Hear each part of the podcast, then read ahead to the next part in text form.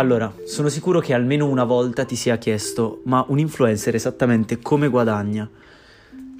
Ti sarai dato 2000 risposte diverse, insomma c'è tanta disinformazione in giro riguardo l'influencer marketing, dovuta al fatto che ognuno ha una sua teoria e sono più o meno tutte sbagliate, cioè nel senso sì, ok, si guadagna in base alle visualizzazioni su YouTube e si guadagna in base ai follower su Instagram, però la maggior parte delle persone, almeno con le quali io ho avuto modo di confrontarmi, pensano che sia Instagram o YouTube a pagare l'influencer. In realtà non è così.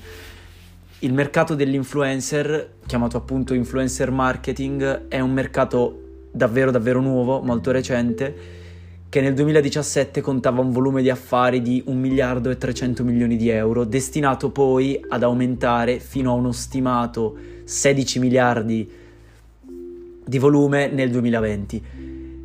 Questo ti farà capire quanto effettivamente ci siano dei soldi in gioco, tanti tanti soldi. Però facciamo una piccola digressione però, cos'è un influencer?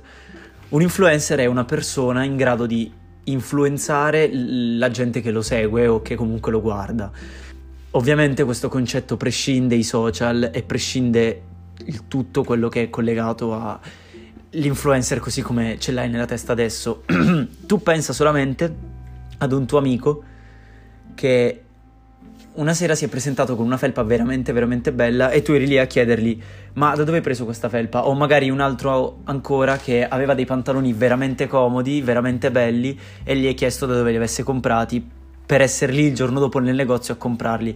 Sei stato vittima di un'influenza del tuo amico, che in questo caso per te è influencer, quindi il concetto in realtà alla base è questo.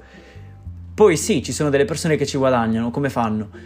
In pratica loro non fanno altro che creare una community che ruoti attorno al proprio personaggio e che sia interessato a magari qualcosa che porti eh, sotto punto di vista contenutistico, cioè mi spiego meglio. Sei un filmiofilo e segui la pagina famosissima su Instagram La scimmia pensa oppure il profilo di Gianni Canova. E tu lo fai perché loro ti portano dei contenuti che poi effettivamente a te interessano, no? Ed è proprio su questo che si basa il mercato, perché volendo un po' parlare di numeri, insomma, Kim Kardashian è una delle persone ad avere più followers in assoluto su Instagram. Il primo, se non sbaglio, è Cristiano Ronaldo. Ok, Cristiano Ronaldo ha milioni e milioni di follower, però non viene contattato da un'azienda di fotografia per far sì che promuova la sua nuova macchina fotografica, perché non avrebbe senso, no? Quindi la cosa importante, che poi è tra l'altro la parte più difficile del lavoro di un influencer è creare una community realmente fidelizzata, qualcuno a cui tu puoi somministrare un prodotto e che si fida ciecamente di te e che quindi poi molto probabilmente lo andrà a comprare. Cioè, ci girano dei miliardi, no? Quindi intendiamoci, volendo fare un esempio spicciolo, se io fossi un'azienda di, non lo so, schede video per il gaming, che senso avrebbe contattare Ronaldo e chiedergli di fare della pubblicità per me. Cioè, sì, ok, arriverebbe sicuramente a tante persone e sono convinto del fatto che tra tutte quelle persone sicuramente ci sarebbe qualcuno interessato ai videogiochi al computer. Ma quanto sarebbe più intelligente invece trovare qualcuno che fa gameplay su YouTube e chiedere a lui di sponsorizzarmelo?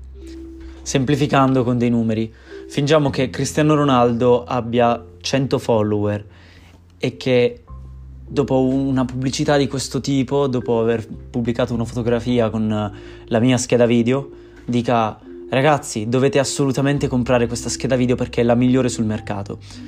E supponiamo che il 5% delle persone che raggiungono quel post vadano poi effettivamente a comprare la mia scheda video. Avete idea di quanto può costare un ingaggio? Con Cristiano Ronaldo. Parliamo della persona che ha più follower su Instagram al mondo, quindi ovviamente sarebbe... cioè parliamo di cifre veramente, veramente disumane. Però poi effettivamente quanti ne abbiamo convertiti? Il 5% di 100 sono 5 persone.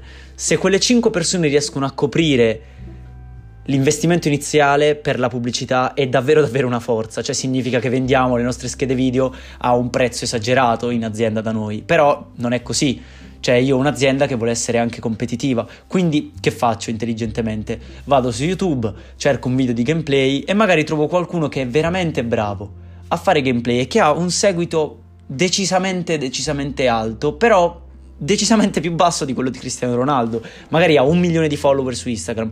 Quindi semplifichiamo e facciamo finta che ne abbia 100 anche lui. Però su questi 100 avrà un fattore di conversione decisamente più alto.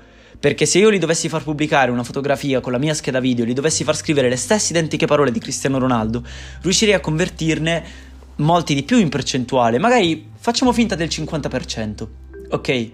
Però diciamo che in realtà l'algoritmo di Instagram non è proprio così generoso, quindi solamente l'80% delle persone che ci seguono effettivamente ricevono sul feed, cioè sulla home, il nostro post. L'altro 20% pi- purtroppo no.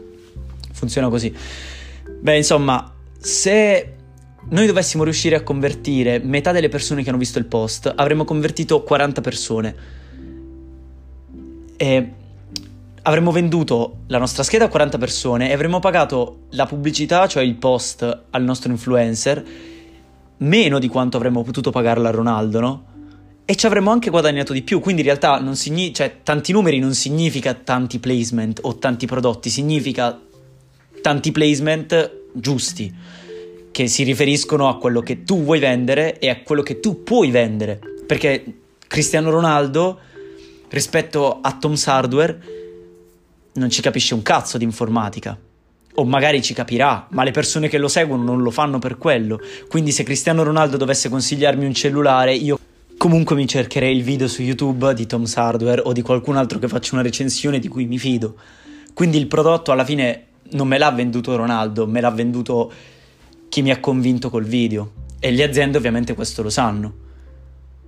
Quindi cos'è che è la cosa importante da comprendere? Che quello che fa guadagnare un influencer è la community che si crea alle sue spalle ed è la capacità che ha lo stesso di vendere un prodotto alle persone che lo seguono.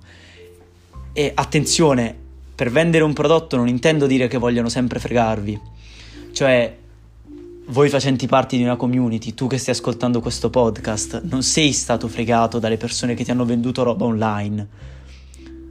Ti hanno fatto della pubblicità.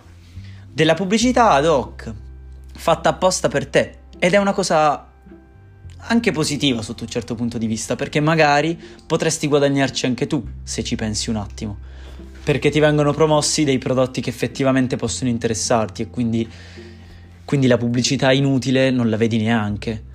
La domanda iniziale della puntata era come ci guadagna un influencer? La risposta è riuscendo a creare una bella community delle persone che si fidino di lui, non vendendo mai merda, soprattutto, e rimanendo nelle regole perché uh, questa cosa è importante ed è una cosa che dovresti un attimino notare.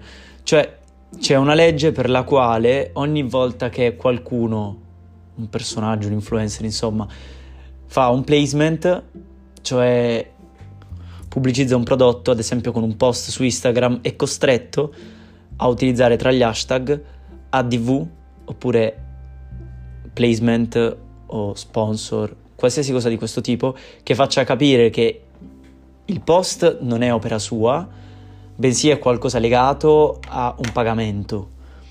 Perché questo? Perché magari sei veramente stupido tu che guardi il post di Cristiano Ronaldo che ti consiglia le migliori mutande al mondo e le vai a comprare.